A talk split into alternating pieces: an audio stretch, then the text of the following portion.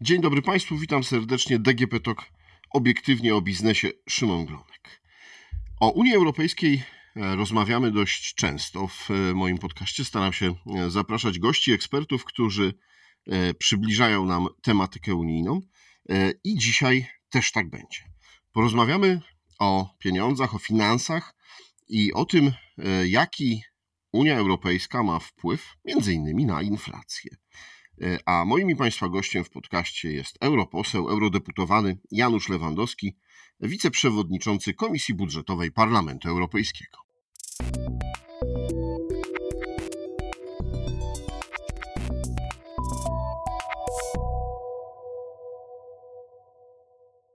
Dzień dobry. Dzień dobry, witam z Sopotu.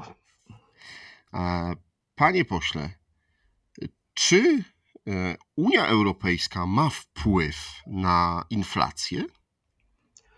No, Unia Europejska ma kolosalny wpływ na inflację w strefie euro, dlatego że tu rządzi Europejski Bank Centralny, który ma swoje instrumenty. Ma nieco mniejszy wpływ na inflację w krajach, które są poza strefą euro, bo tutaj decydowały dotąd czynniki zewnętrzne lub też po prostu zła polityka gospodarcza, tak jak w Polsce.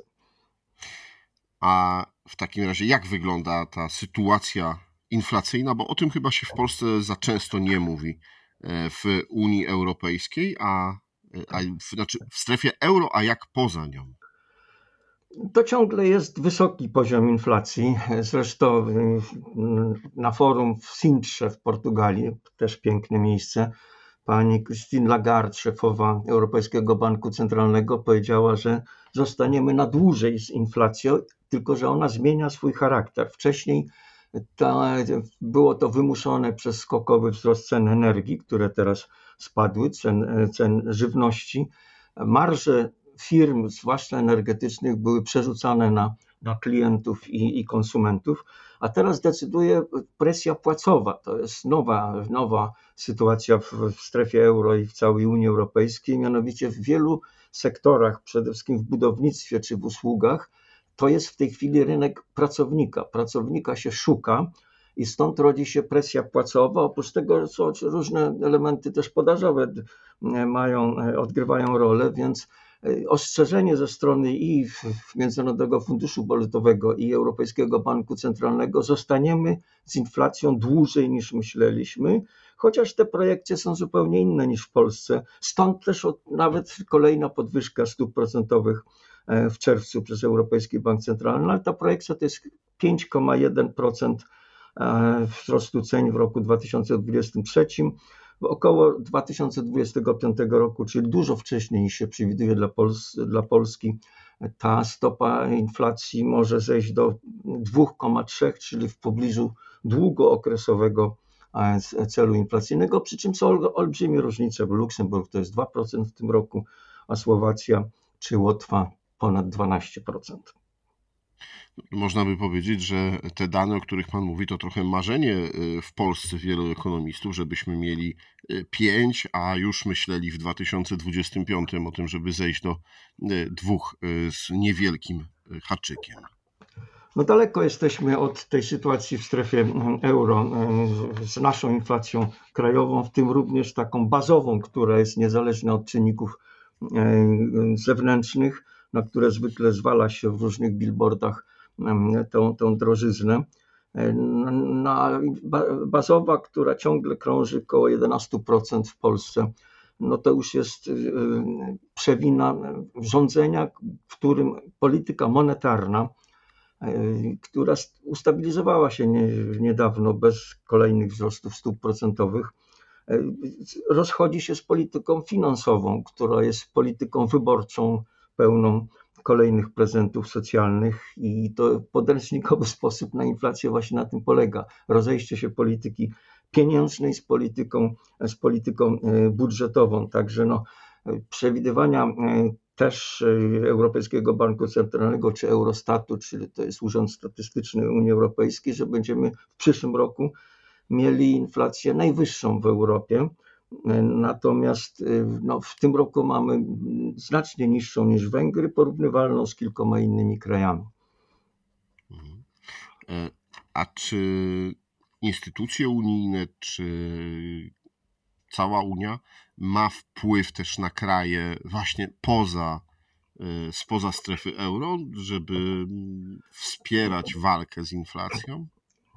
Jest ten wpływ, tylko bardziej pośredni niż bezpośredni wpływ Europejskiego Banku Centralnego, który przecież ma do dyspozycji nie tylko e, stopy procentowe, ale w tej chwili szczególnie urzęd, e, e, zabiera się za takie narzędzie, za które wcześniej zabrali się Amerykanie, Federalna Rezerwa, czyli tak zwane zacieśnienie ilościowe, czy operacje refinansowe, jednocześnie wygasza to wszystko, co było związane z pandemią, czyli skup aktywów, nadzwyczajny, pandemiczny program e, też e, zakupów przez Europejski Bank Centralny, to jest wygaszane. Także oni tych narzędzi używają, ale jednocześnie zachęcają bardzo wszystkie kraje do tego, co się nazywa zacieśnieniem fiskalnym i tego w Polsce nie ma, e, chociażby z uwagi na, na potrzeby wyborcze partii rządzącej. Także no, ja nie jestem optymistą co do co do e, stopy inflacji w Polsce, uważam, że najwcześniej rok 2027 możemy się zbliżyć do, do tego, co jest celem długookresowym Narodowego Banku Polskiego. No tak, niestety ta e, drożyzna i e, spore podwyżki cen zostaną z nami jeszcze przez dłuższy czas. Panie pośle, ile wynosi roczny budżet Unii Europejskiej? No nie jest on taki wielki, jak się niekiedy wydaje, ma inne walory. Na przyszły rok planowane jest, tu jest rozejście się dwóch kategorii, to są zobowiązania, to one będą wynosiły ponad 180 miliardów euro, a tak zwane płatności 140. Zobowiązania to jest to, co trzeba zakontraktować na przyszły rok, co nie zawsze przekłada się na bieżące płatności, ale to jest poniżej płatności poniżej 1% e, produktu krajowego brutto. Tylko, że wartość niezwykła tego budżetu dla, dla Polski to jest to, że to jest budżet inwestycyjny. Tego pieniądza brakuje w budżetach narodowych, nie tylko w Polsce, a my mamy bardzo niską stopę inwestycji. I to jest budżet roczny wbudowany w tak zwane wieloletnie ramy finansowe, które dają olbrzymią przewidywalność inwestowania. Z tego biorą się takie inwestycje jak tunele na Zakopiance. Dzisiaj pewnie będzie celebrowany tunel dla Świnoujścia, ale to jest 85% pieniądza unijnego, który właśnie poprzez przewidywalność umożliwia finansowanie wieloletnich inwestycji. Na tym polega jego duża wartość e, dla takiego kraju jak Polska, ale to było wymyślone wtedy, kiedy do Unii, e, do wtedy wspólnoty gospodarczej wstępowały Hiszpania i Portugalia, kraje relatywnie uboższe. Dla nich wymyślono tą politykę regionalną, z której głównym beneficjentem jest w tej chwili Polska, byle te pieniądze w końcu napłynęły. No, jakoś ostatnio mniej się o tym mówi. Mam wrażenie, że e, w perspektywie unijnej e, poprzedniej, tej długookresowej, e, bardzo dużo i samorządy, i rząd chwalił się tym, jakie środki wpływają do Polski, na co zostają wydane, jak modernizujemy kraj. Y, no, w 2020 roku, czy też 2019 też były e, duże informacji o tym, e, ile to budżet będzie miał, jakie ta, ta nowa perspektywa, w której teraz jesteśmy, tak, 2021-2027. Ale w obecnym czasie trochę to przycichło. Nie ma tych informacji. Myślę, że społeczeństwo nie dowiaduje się, jakie są e, nowe inwestycje, jak te pieniądze są wykorzystywane. Podzielam te obserwacje. Rzeczywiście e, w przypadku na przykład tunelu na Zakopiance wręcz ukryto e, prawdę o finansowaniu unijnym. Sądzę, że dzisiaj w Świnoujściu ta celebra musi ujawnić prawdę, czyli 85% kosztów poniesionych z funduszy europejskich, 15 z zarządu miasta, ale to jest pieniądz y, niezależnie od tego, czy jest deprecjonowany, czy nie, który odmienił polską infrastrukturę szeroko rozumianą.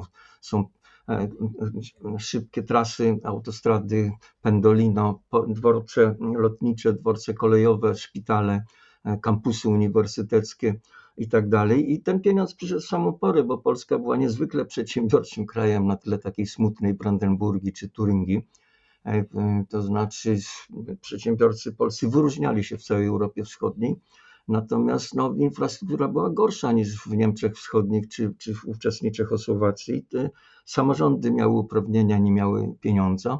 I to wszystko ruszyło po roku 2004 i Polska jest obstawiona tymi tablicami, z których wynika, że ta czy inna istotna dla mieszkańców inwestycja została sfinansowana i tak powinno być dalej.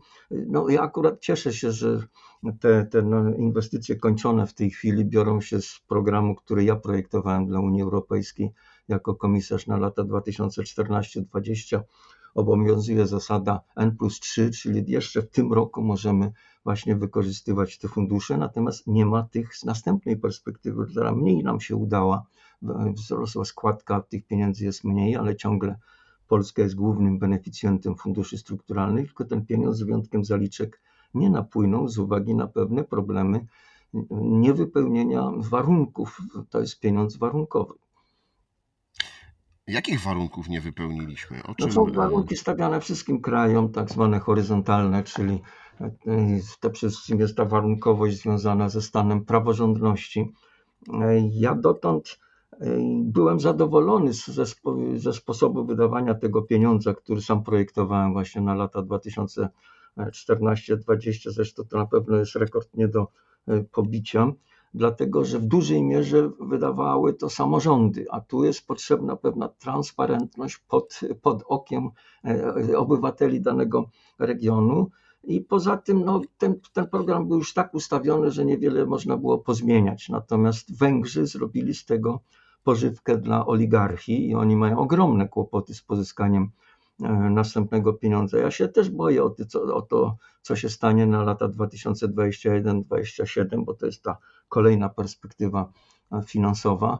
Tu będzie już obowiązywała ta horyzontalna warunkowość związana z dostępem do niezależnego sądownictwa, które uważa się za e, przesłankę dobrego wydawania pieniądza. Dotąd myśmy naprawdę sprawowali się na tle Węgier całkiem przyzwoicie.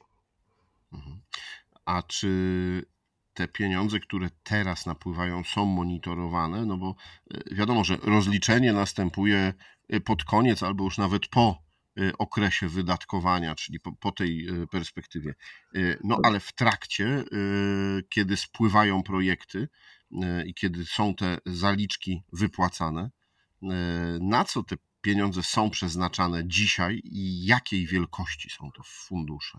No my naprawdę jesteśmy w fazie rozruchu. Zresztą Europa tak, tylko trochę szybciej z tym zmierzamy. Na razie mamy zaliczki i pieniądze na, na, na, dopłaty rolne, natomiast no, ryzykujemy w dwóch kategoriach funduszy, bo są w tej chwili dwie kategorie funduszy. Pierwsza to nazywa się ten tradycyjny fundusz strukturalny, fundusz wieloletni Unii Europejskiej. Tam jest w samych funduszach strukturalnych 76 miliardów euro. Potężny pieniądz, tu jesteśmy głównym beneficjentem, ale to jest pieniądz warunkowy. A drugi to są te plany odbudowy, na które czekamy. Niezmiernie potrzebne w kraju, który ma bardzo niską stopę inwestycji. Tu, tu mamy 24 miliardy w grantach, ale ten pieniądz nie napłynął. Jest prefinansowanie przez Fundusz Rozwoju i tak dalej, ale tylko E, Polski Fundusz Rozwoju zadłuża się dużo drożej niż Unia Europejska, bo my się zadłużamy na 7-8%, a Unia Europejska ma wciąż nieskazitelną wiarygodność, czyli zadłużenie e, kosztuje 2,5%. No ale ponosimy ryzyko. Ci, którzy realizują te projekty, mogą się nie doczekać tych pieniędzy, jeżeli Polska nie spełni warunków. Ja przypominam, że Fundusz Odbudowy to jest jakaś tragikomedia, bo ten pieniądz zanika w trójkącie bermudzkim pomiędzy premierem Morawieckim, e, ministrem Ziobro i prezydentem Dudą. Ciągle nie mamy tej odniesienia się do ustawy o Sądzie Najwyższym. Wydaje mi się, że po stronie Unii Europejskiej jest gotowość z uwagi na to, jak Polska stała się takim mocarstwem humanitarnym, przyjmując miliony uchodźców e, z Ukrainy że tam jest gotowość, że jeżeli spełnimy ten warunek, to te pieniądze popłyną, ale czas nagli. Ten pieniądz powinien, powinien być wydany i rozliczony do końca 2026 roku. Także samo opóźnienie już jest działaniem na szkodę polskiej gospodarki i społeczeństwa. No powiedzmy, że Fundusz Odbudowy to jest to sławetne e, KPO tak, skrót, tak. który stał się już, można powiedzieć, mitycznym skrótem i przerzucanie się odpowiedzialnością, kto i dlaczego nie spełnił warunków. I z jednej strony politycy w Polsce mają taką mm, tendencję do mówienia, że to ta Unia, jakbyśmy my nie byli jej częścią. Z drugiej strony, no właśnie, nie wiadomo, kto powinien po stronie rządzącej odpowiedzieć i, i, i, zająć się tymi tematami, no został nawet wymieniony e, minister do spraw europejskich, który miał przyspieszyć e, pozyskanie tych środków.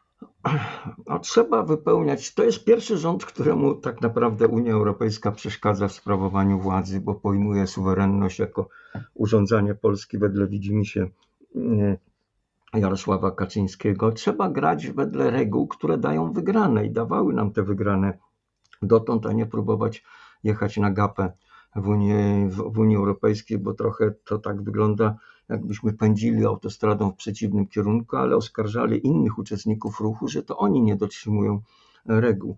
To jest tragikomedia, bo ten pieniądz jest naprawdę potrzebny w tej chwili. Mamy niską stopę inwestycji, mamy niewesołe perspektywy wzrostu. Cała Europa zresztą te 0,9 wzrostu na, na, na ten rok to nie jest jakaś porywająca perspektywa, ale my po raz pierwszy mamy gorsze albo takie same perspektywy wzrostu gospodarczego, czyli już nie ścigamy tych bogatszych, bo dotąd ścigaliśmy przez, przez kilkadziesiąt lat tych, te, te bogatsze kraje w PKB i w, i w przeliczeniu na głowę. No ja uważam, że jeżeli, e, nazwę to wprost, że jeżeli tych, tych pieniędzy inwestycyjnych nie będzie, e, to, to jest to zdrada polskiej racji stanu, bo polska racja stanu to jest inwestowanie, a nie tylko rozdawanie prezentów socjalnych. E, panie pośle, a ja jeszcze zapytam, jak wyglądają kraje inne Unii Europejskiej, inni członkowie, jeśli chodzi właśnie o ich KPO, czyli te ich fundusze na odbudowę? Wyglądają dobrze, dlatego że nauczyły się w trakcie kryzysu finansowego te, te naj, najbardziej dotknięte, żeby, by, żeby dostać kredyty i pomoc gospodarczą z Unii Europejskiej, to trzeba było spełnić warunki, więc na, nauczyli się tej warunkowości i oni mają dużo większe pieniądze, bo my w tym KPO tak zwanym mamy 24 miliardy e, euro grantów bezzwrotnych pieniędzy no dotąd sięgaliśmy po 11 miliardów pożyczek. Teraz rząd tu akurat się obudził i chce wykorzystać całą pulę, ale to ciągle te nasze 24 miliardy wyglądają skromnie przy włoskich 66 miliardach, hiszpańskich 60. Nawet Francja ma więcej, także e, tutaj Niemcy mają więcej w tym KPO. Także tu sukcesu negocjacyjnego nie było, ale najgorsze jest to, że niektórzy już biorą drugą, trzecią transzę, te miliardy płyną, bo taki był sens tego programu. Po pandemii on miał być szybkim zapożyczeniem się, żeby możliwie szybko wprowadzić ten pieniądz inwestycyjny do gospodarki uśpionej w czasie pandemii. Takie było założenie. Także spóźnienie już jest działaniem na niekorzyść polskiej gospodarki. Inni te pieniądze po prostu już biorą. E, jeśli program ma być wykorzystany, czy fundusze z programu mają być wykorzystane do 2026, e, to jest szansa, że nie skorzystamy, jest szansa, że jest, nie zdążymy. Jest, jest ryzyko niewykorzystania tych, tych, tych funduszy, bo trzeba spełnić tak zwane rozmaite kamienie milowe, e, czemu się będzie przyglądała? Oczywiście Unia Europejska, tylko tu najgorzej wyglądamy z tym fundamentalnym warunkiem praworządności, niezależnego sądownictwa, bo tu nie wydaje mi się, żeby e, obecna koncepcja rządzenia Polską, zwłaszcza przed wyborami, sprzyjała tej praworządności. Jest ryzyko utracenia tych funduszy, groźba zawisła również nad tymi znacznie większymi funduszami e, strukturalnymi, bo ile w KPO, to my tam wyglądamy skromnie przy, przy Włochach, czy, czy Hiszpanach, czy, czy Francuzach, czy innych krajach to w zakresie funduszy tego wieloletniego programu jesteśmy nadal potencjalnie głównym beneficjentem, ale tu też ryzyko wiąże się ze stanem polskiej praworządności. Hmm, nie brzmi to najbardziej optymistycznie, no ale mam nadzieję, że pomimo tego, że jest to rok wyborczy, to yy, rządzący obecni, a i też przyszły rząd yy, szybko zabierze się za yy, realizację tych yy, warunków, które musimy spełnić, no i przygotowanie dobrych programów, e, aby te pieniądze były jak najszybciej wykorzystane. No, Jeśli patrzy Pan z takiej perspektywy unijnej, na co dzisiaj najszybciej albo najbardziej Polska potrzebuje tych pieniędzy? Na jakie inwestycje, e, jakie inwestycje mogą pobudzić naszą gospodarkę, żebyśmy znowu weszli na tą ścieżkę e, ścigania tych najbogatszych, e, rozwijania się szybciej niż przeciętna? No, Z uwagi na zaniechania ostatnich lat, zwłaszcza, ale dłuższe zaniechania, no tym głównym wyzwaniem jest transformacja energetyczna, ocieplanie, znalezienie innych źródeł ocieplania mieszkań. To wszystko jest w tych warunkach mm, polskiego KPO. Gospodarka cyfrowa, czyli przestawienie się na gospodarkę cyfrową, to powinno być ponad 20% tych wydatków z Krajowego e, Funduszu Odbudowy. To są potrzeby pilne, realizowane właśnie w innych krajach, ale na pierwszym miejscu stawiałbym wyzwania związane z e, transformacją energetyczną w kierunku odnawialnych źródeł energii, bo tu mamy największe zaległości na tle również Unii no, Europejskiej, bo Polska to jest kraj, w którym no, obowiązuje taki pat- patriotyczny stosunek do węgla ciągle. Mhm. Panie pośle, serdecznie dziękuję za rozmowę i za przybliżenie nam tego, jak wyglądają e, fundusze Unii i e, jak Polska może z tych e, funduszy korzystać, no i jak wygląda to wykorzystanie. To Niestety ja też dziękuję za dobrze postawione pytania. Moim i Państwa gościem w podcaście DGP Talk obiektywnie o biznesie był europoseł Janusz Lewandowski, wiceprzewodniczący Komisji Budżetowej Parlamentu Europejskiego. A rozmawiał Szymon Glonek. Dziękuję bardzo. Do usłyszenia.